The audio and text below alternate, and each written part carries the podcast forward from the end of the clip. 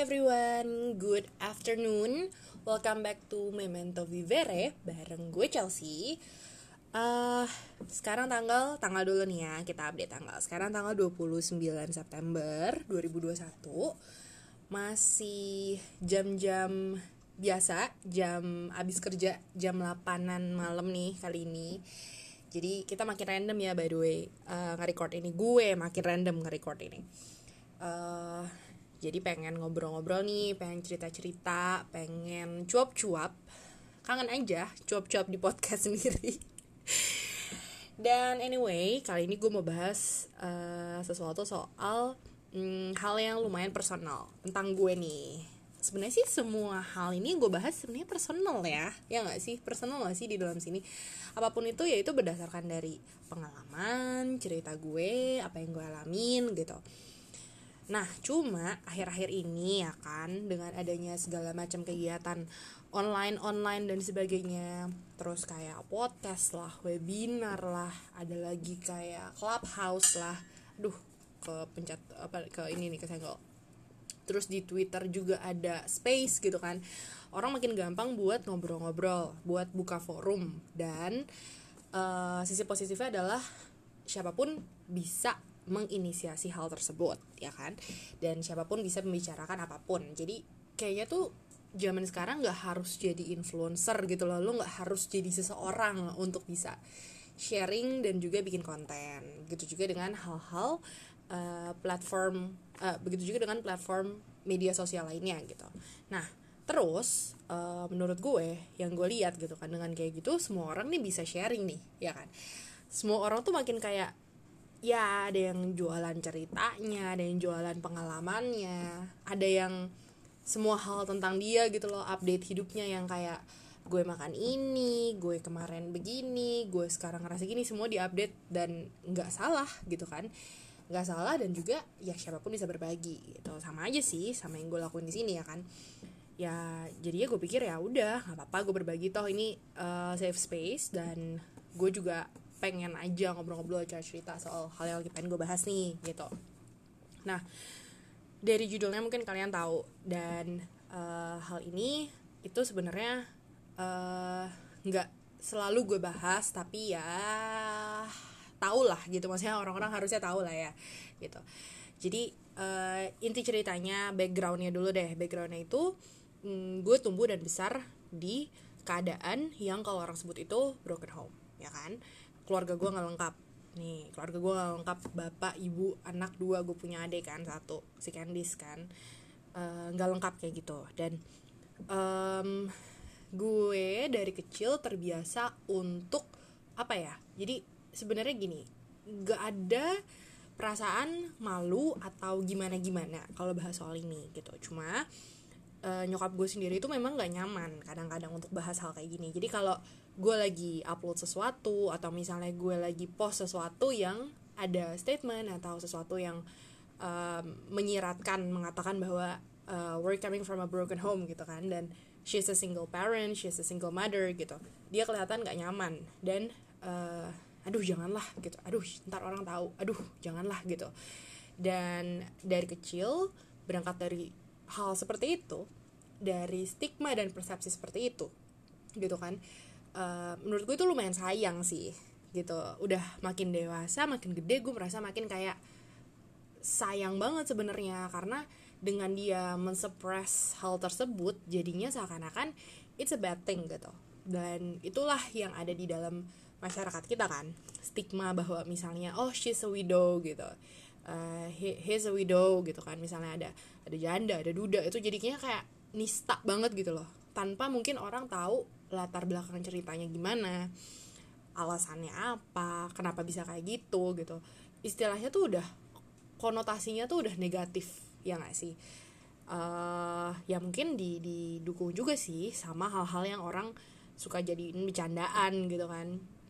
Ah lo mau sama janda gitu. Ah lo dia kan janda dan sebagainya dan sebagainya gitu. Diglorifikasi pula sama uh, dunia entertainment yang seakan-akan tuh sebenarnya apa ya menurut gue sampai sekarang nih di saat semodern ini gitu loh masih banget hal tersebut tuh seakan kayak jelek banget gitu loh nista banget. Padahal kembali lagi balik lagi kita nggak tahu cerita apa di belakangnya dan apa yang menyebabkan itu. Dan lebih parahnya lagi kalau latar belakang ceritanya adalah salah satu pasangannya tuh meninggal gitu kan kayak ya terus emang kenapa? gitu kan.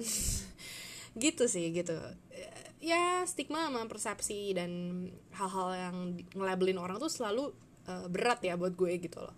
Sama kayak orang ngelabelin orang yang gak menikah ya kan? Orang yang dilabelin setelah mereka menikah jadi janda atau duda itu pun menurut gue udah ah, gitu. So anyway uh, karena itu makanya gue nggak selalu bilang cerita dan kasih tahu orang kalau misalnya uh, gue adalah anak broken home gitu kenapa? Pertama mungkin karena itu ya kan? Gue dibesarkan dengan uh, keadaan seperti itu. Jadi kayak yang ya udahlah nggak perlu semua orang tahu malu lah atau uh, ngapain sih orang sampai tahu? dan lain-lain dan lain-lain gitu kan. Intinya kayak aduh janganlah. Kalau bisa orang nggak tahu yang nggak nggak tahu dulu gitu kan. Kecuali mereka memang udah deket sama keluarga dan sebagainya dan sebagainya. Uh, itu pertama. Kedua karena gue nggak merasa hal tersebut itu jadi suatu apa ya poin untuk dikasianin gitu. Makanya gue nggak angkat di banyak topik. Misalnya sebagai contoh gue baru pindah kantor gitu kan. Nah gue nggak nggak nih gue bilang ke teman-teman kantor gue yang baru-baru ini gitu kan. Cerita oh kamu apa apa apa, lagi saling kenal saling kenal saling kenal. Terus gue kayak bilang iya soalnya uh, sama bapakku udah pisah dan sebagainya sebagainya. Ya gak, gak perlu gitu loh. Gue nggak perlu menjelaskan itu karena hmm, gue nggak suka juga nih sama uh, orang yang merasa bahwa uh, ketika seseorang menyebutkan itu berarti mereka minta dikasihani gitu kan. Dan gue nggak suka juga ada di dalam keadaan dikasihani gitu intinya ya. It's just normal thing for me gitu kan. Ya udah gitu. Nah hmm, dan gue juga juga nggak menyebutkan itu di dalam berbagai kesempatan. Misalnya minta excuse DLL DLL karena aduh kasihan lah uh, gue kan anak broken home atau misalnya ya pantas lah gue gini kan gue anak broken home it's not a apa ya not a proper justification gitu. Dan yang ketiga pastinya gue juga karena gue nggak suka nih sama labeling dan sebagainya gitu ya ya pasti gue juga males dong kalau misalnya gue menambahkan daftar alasan uh, untuk orang-orang uh, memberikan poin lebih kenapa sih anak broken home itu misalnya bermasalah atau kenapa sih uh, kalau dari keluarga broken home beda dan sebagainya dan sebagainya dan sebagainya gitu kan. Ya males aja gue pengen orang uh, itu mengenal gue dengan sifat gue gitu. Orang tahu gue orang mau main sama gue orang uh, kenal gue ya karena gue gitu. Dan ketika mereka mungkin tahu hal tersebut harapan gue adalah ya itu nggak mengubah apa pun gitu. Coba deh misalnya ya kan gue nih nggak minta gitu kan. Terus gue juga nggak uh, apa ya nggak apa sih gue tuh nggak nggak membuat hal itu terjadi misalnya gitu. Terus lo dicap ya kan? Lo diberikan stigma lo didiskriminasi cuma karena hal yang lo nggak bisa ubah gitu. Gimana sih rasanya? Bete kan? Nah ya kayak gitulah kira-kira gitu. Makanya nggak nggak asik banget sebenarnya kalau ke situ.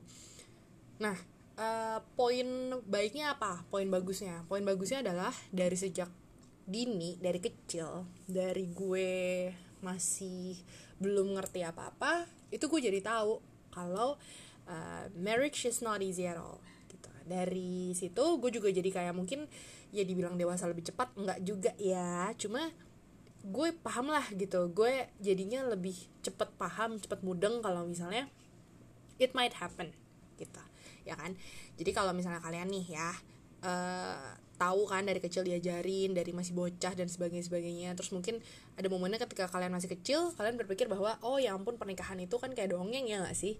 Gitu kan pesta-pesta seneng blar gitu. Kalian akan mulai dengan itu. Nah bedanya dengan gue adalah gue nggak mulai dengan itu gitu. Gue mulai dari sisi sebaliknya. I'm coming from the other end gitu. Gue mulai dengan pemahaman bahwa it's not an easy thing gitu. Dan uh, it might work and it might not gitu. Jujur aja ya. Uh, dari situ sebenarnya juga banyak hal baik nih gitu. Gue gue juga jadi belajar. Walaupun waktu masih kecil nih ya gue inget banget nih uh, intermezzo.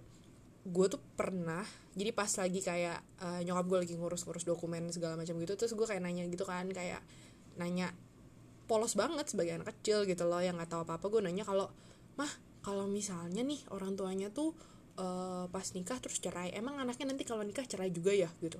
Terus kayak gue inget banget nyokap gue tuh kayak yang hah? gitu kan. Seanak sekecil ini bisa nanya hal kayak gitu. Ya karena ya gue mah polos aja kan gitu. Terus dia kayak enggak enggak uh, itu nggak kayak gitu katanya kan. Kau pasti akan bahagia nggak nggak kayak gitu dan sebagainya dan sebagainya gitu. Nah tapi sisi baiknya lagi nih uh, maju ke poin berikutnya yang adalah gue dibekali dengan hal-hal di mana gue sadar bahwa as an adult uh, relationship is not easy gitu. Terus uh, ternyata banyak nih masalah ya kan? Dan gue diajarin lebih banyak bersyukur gitu. Walaupun dari kecil mungkin hidup gue lumayan berbeda sama orang yang keluarganya lengkap ya kan? Hmm, tapi gue diajarin buat bersyukur. Gue diajarin untuk uh, berterima kasih untuk semua berkat yang gue punya karena mungkin orang lain nggak seberuntung gue gitu. Terus tanpa um, menyudutkan dan juga tanpa menjelek-jelekan orang lain ya ini poin lainnya adalah gue juga lihat kan jadi oh gue gini orang lain gimana sih? gitu kan dengan keluarga lengkapnya. Loh kok makin gue dewasa malah lucu loh faktanya yang gue temuin. Kayak orang lain anak-anak lain teman-teman lain gitu kan rekan lain yang gue tahu punya keluarga lengkap tapi mereka nggak lebih bahagia tuh gitu. Ya denger dari ceritanya aja kayak yang ya ampun ternyata mereka stay together uh, till so long cuma karena aduh males lah ribut-ribut anaknya udah gede ya kan. Aduh udahlah nggak usah pakai pisah-pisah toh yang penting tinggal udah kepisah toh anak-anak udah gede malu apa kata orang gitu gitu terus ada juga yang tetap sama-sama tapi kayak berantem tiap hari misalnya. Udah nggak kondusif lah gitu. Sampai ke yang uh, masih sama-sama anak masih eh anak masih ada. Anaknya udah pada gede-gede gitu kan tapi malah bikin anak-anaknya nggak betah ada di rumah. Ada ada banget gitu. Nah dari situ terus gue mikir sebenarnya ya keadaan ini ya udah it's just a simple and normal thing gak sih gitu loh. Dengan adanya keluarga lo lengkap ketika mereka rukun well good for you bagus. Uh, semoga selalu seperti itu. Tapi bukan berarti yang lengkap lebih baik daripada yang nggak lengkap gitu. Dan apa ya sebenarnya poin yang gue ambil itu yang lainnya adalah gini. Sampai detik ini ya gue masih menganggap um, marriage pernikahan itu sama ya sama aja seperti orang lain ya. Mungkin punya pemahaman kalau hmm, itu adalah konsep yang dibangun oleh dua orang yang saling mencintai ya kan? Mereka pengen membangun keluarga gitu. Dan gue sangat percaya gue bener-bener yakin kalau memang harus ada satu kepala keluarga nih yang in charge ya kan? Ya ambillah istilah kalau kapal harus ada satu nakoda ya kan? Nggak bisa ada terlalu banyak kepala dan sebagainya gitu gue yakin seperti itu. Terus gue juga yakin dengan kayak nilai-nilai dasar misalnya harus saling membantu terus harus saling menghormati dan sebagainya. Cuma gue dapet uh, poin-poin lebih juga gitu. Gue dapet poin bahwa hmm, gue gue tahu nih kalau sesuatu yang disakral sakralkan dan ya gue lakukan seperti itu bukan uh, bukannya tanpa cacat dan tanpa celak gitu loh. Ngerti gak sih? Jadi itu adalah suatu kesinambungan kerja as kerang ada kerangka kerjanya gitu ya. Ada yang harus dikerjakan. So you should work it out together gitu kan. Dan dari situ sebenarnya jadi menarik karena uh, tentunya gue jadi mikir oh, oke okay, fine. Itu tuh bukan apa ya kayak lo hidup dalam rumah tangga tuh bukannya kayak negeri dongeng gitu loh happily ever after the end atau fin ya kan lo masih harus kerja keras nih gitu. Lo juga mau dihormati lo harus mau menghormati orang. Lo mau disayangi ya lo menyayangi orang gitu. Walaupun bukan dalam arti pamrih ya ya kan? Tapi gue jadi penasaran gitu loh. Gue sampai detik ini tuh selalu penasaran kayak sesusah apa sih lo tuh menyayangi dan memperlakukan orang lain ya yang lo pilih gitu. Seperti lo ingin diperlakukan ya nggak sih mulai dari situ deh dari hal paling simpel gitu. Kalau misalnya nggak mau mikirin uh, orang lain dulu mulai dari gitu dulu. Gimana sih pengen diperlakukan? Ya udah perlakukanlah orang lain sama baiknya misalnya.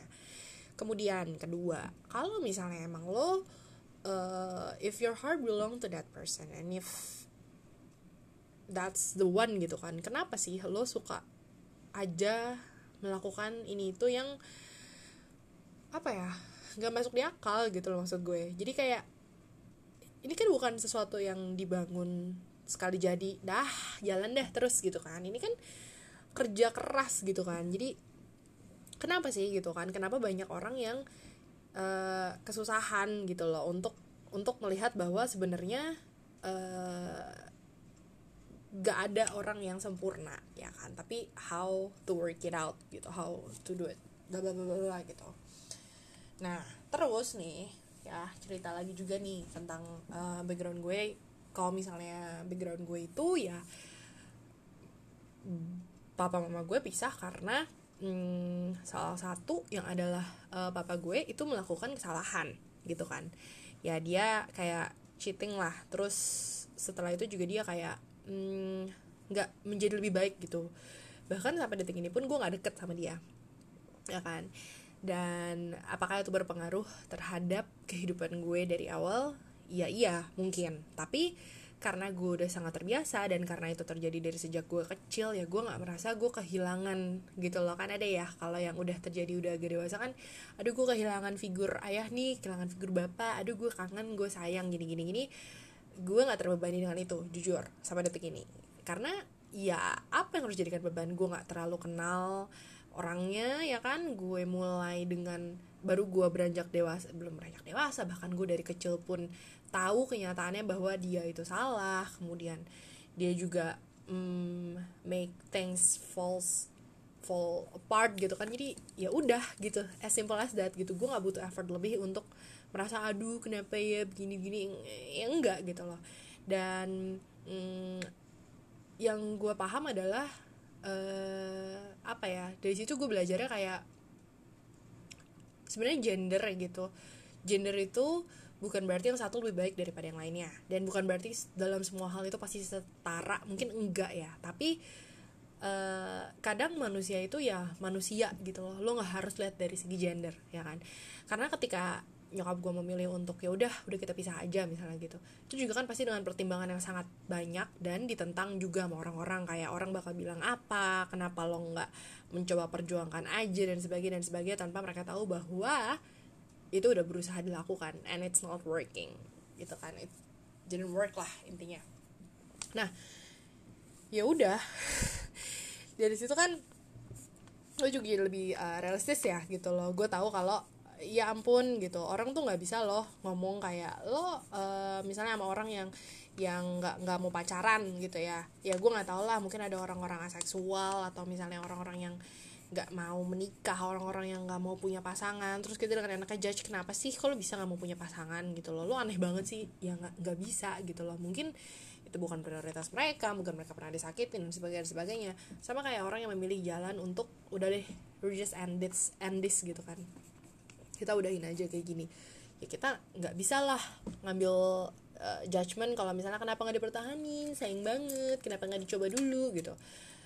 Ya pasti udah ada pencobaan lah pasti udah ada hal-hal yang dicoba and itu tidak uh, berhasil gitu loh. Di mana part yang lo nggak ngerti? Di mana part di mana lo merasa bahwa lo berhak atas hidup orang ya kan? Gitu.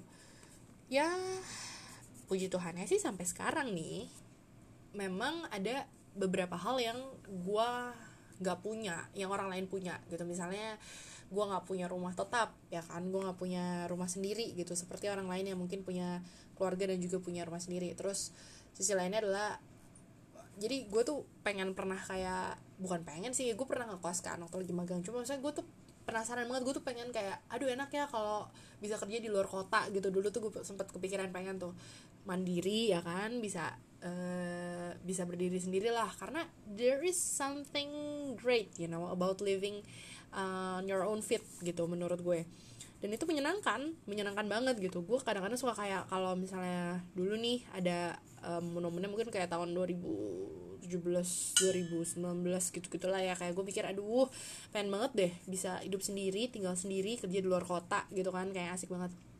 Tapi ya balik lagi karena gue bukan berasal dari keluarga yang normal istilahnya ya gue nggak bisa sesimpel itu. Kenapa? Karena gue punya nyokap yang harus dipikirin gitu. Kalau gue keluar dari rumah aduh sorry nih the way berisik. Ketak ketak kalau gue keluar dari rumah kalau misalnya gue langsung caw aja gitu tanpa mikirin kayak aduh gimana mereka ya mereka gimana ya kan?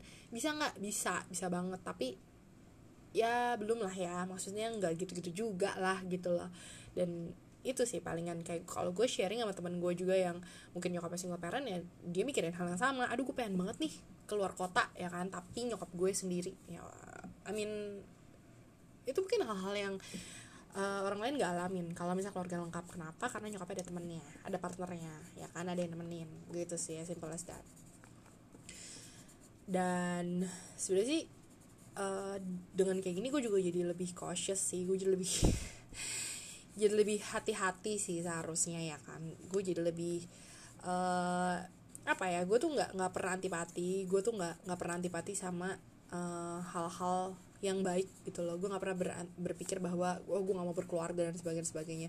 Tapi memang bikin gue jadi lebih antipati gitu. Gue jadi gampang uh, marah kesel sebel dan juga kayak ke trigger kalau misalnya denger ada yang uh, istri disiksa suaminya misalnya gitu. Gue jadi lebih gampang marah kalau gue denger ada uh, istri yang selingkuh dari suaminya gitu gitu maksudnya hal, -hal kayak gitu loh. Gue suka gampang trigger untuk pasangan yang melakukan uh, hal lain yang pasangannya nggak mau gitu sih intinya. Dan selain itu apalagi ya? Yang yang ada sih. Ya paling gue jadinya ya punya kecenderungan untuk berpikir if you want it then you earn it gitu kan hmm, ya duit nggak tumbuh dari pohon lo mau ya lo berusaha gitu. Dan walaupun emang nyokap gue nggak pernah ngepush ngepush gue nggak pernah bilang kayak ayo dong kamu begini begini begini gitu kan. Ada kan yang kayaknya di dorong dorong lah kamu harus begini harus begini. Ya dia sih nggak pernah ngedorong kayak kadar kamu harus ini kamu harus biayain ini harus ini harus ini. Cuma ya ya jadinya gue juga harus tahu lah diri sendiri gitu. Gue harus paham lah uh, batas mana uh, dia bisa berusaha dan gimana gue selanjutnya harus berusaha juga gitu loh. Ya gitu sih kira-kira. Hmm, apalagi ya? Yang pengen diceritain? Uh, oh ke ini sih kayak ke depannya gitu kan ke depannya. Tuh bikin gue jadi kayak berandai-andai dan berpikir bahwa uh, ya ya apa ya? Makin makin berpikir bahwa sebenarnya tuh yang ideal tuh ada kan. Tapi how to make it work gitu loh. Gimana sih caranya? Gue udah jarang sih baca kayak uh, relationship pointers or anything related to relationship gitu kan.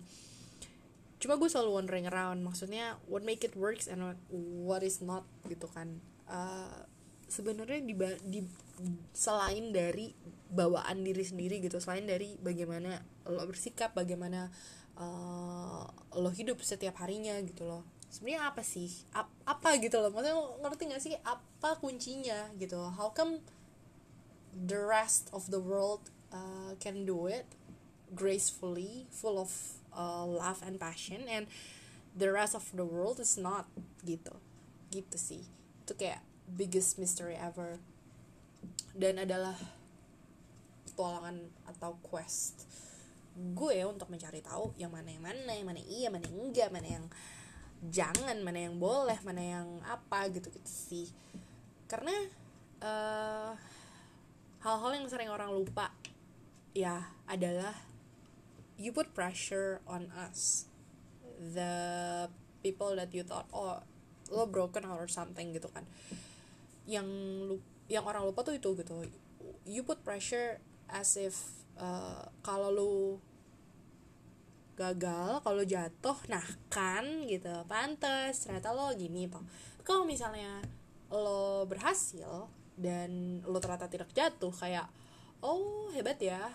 Uh, tapi dia latar belakangnya gini ya gitu maksudnya uh, we can just see pass through that kasih gitu. Dan kan nggak ada orang yang milih mau gimana mau gimana ya kan dan itu kan bukan salahnya si yang merasakan juga gitu loh. Misalnya contohnya ambillah contoh gue sekarang ya nggak sih? Gitu. Nah adalah tugas gue untuk memastikan uh, it won't happen to my future kids gitu. Jadi nggak pernah ada tuh sejarahnya gue kayak menyalahkan aduh kenapa sih gue harus kayak gini uh, kenapa sih jalannya harus kayak gini? Kenapa gue harus begini? Ya udah ya mau gimana? Dan ya nggak apa-apa banget gitu loh. Apa pun yang uh, apa pun keadaan orang lain ya kan? Apa pun dan bagaimanapun orang lain itu uh, keadaannya dibandingkan dengan lo ya itu kan bukan salah lo ya gitu.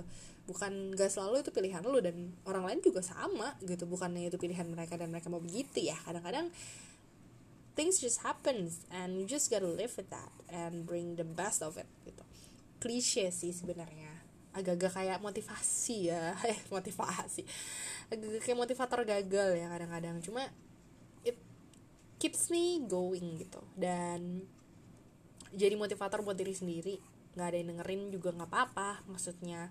Jadi kayak sosok iye gitu juga nggak apa-apa. Ada momennya ketika lo apaan banget sih nih gitu kan. Nggak penting banget uh, motivasi dan hal kayak gini tapi ada hal-hal ada momen-momen yang kayak ya udah sih nggak apa-apa uh, it keeps me going gitu. And uh, I don't know maybe just uh, be grateful of whatever I'm going to turn to gitu sih. So gitu aja sih intinya. Coba cerita itu aja mungkin gak ada endingan bangetnya gak ada penutup dan moral of the story. Uh, it's just mm, mungkin sharing gue ini kalau misalnya next time lo ketemu orang yang mengalami hal yang gue alamin ya kan? Atau misalnya uh, next time lo denger ada orang pengen pisah gitu atau orang pengen atau orang punya masalah di uh, pernikahannya habis itu mereka pengen udahan ya bisa lah. Mulai-mulai dengan uh, dengan pemikiran yang bukan kayak hah sayang banget hah bukannya harusnya gitu kan. Hah udah dicoba belum? Hah kasihan banget anaknya. Ya well iya. Iya tahu paham gitu maksud lo. Maksudnya baik cuma kan ya keputusan orang kan juga kita nggak tahu ya latar belakangnya apa gitu kan. Dan lo kasihan anaknya kasihan anaknya lo nggak kasihan kalau anaknya tertekan tiap hari dan ternyata mereka gak pisah tapi anaknya malah lebih tertekan misalnya gitu kan.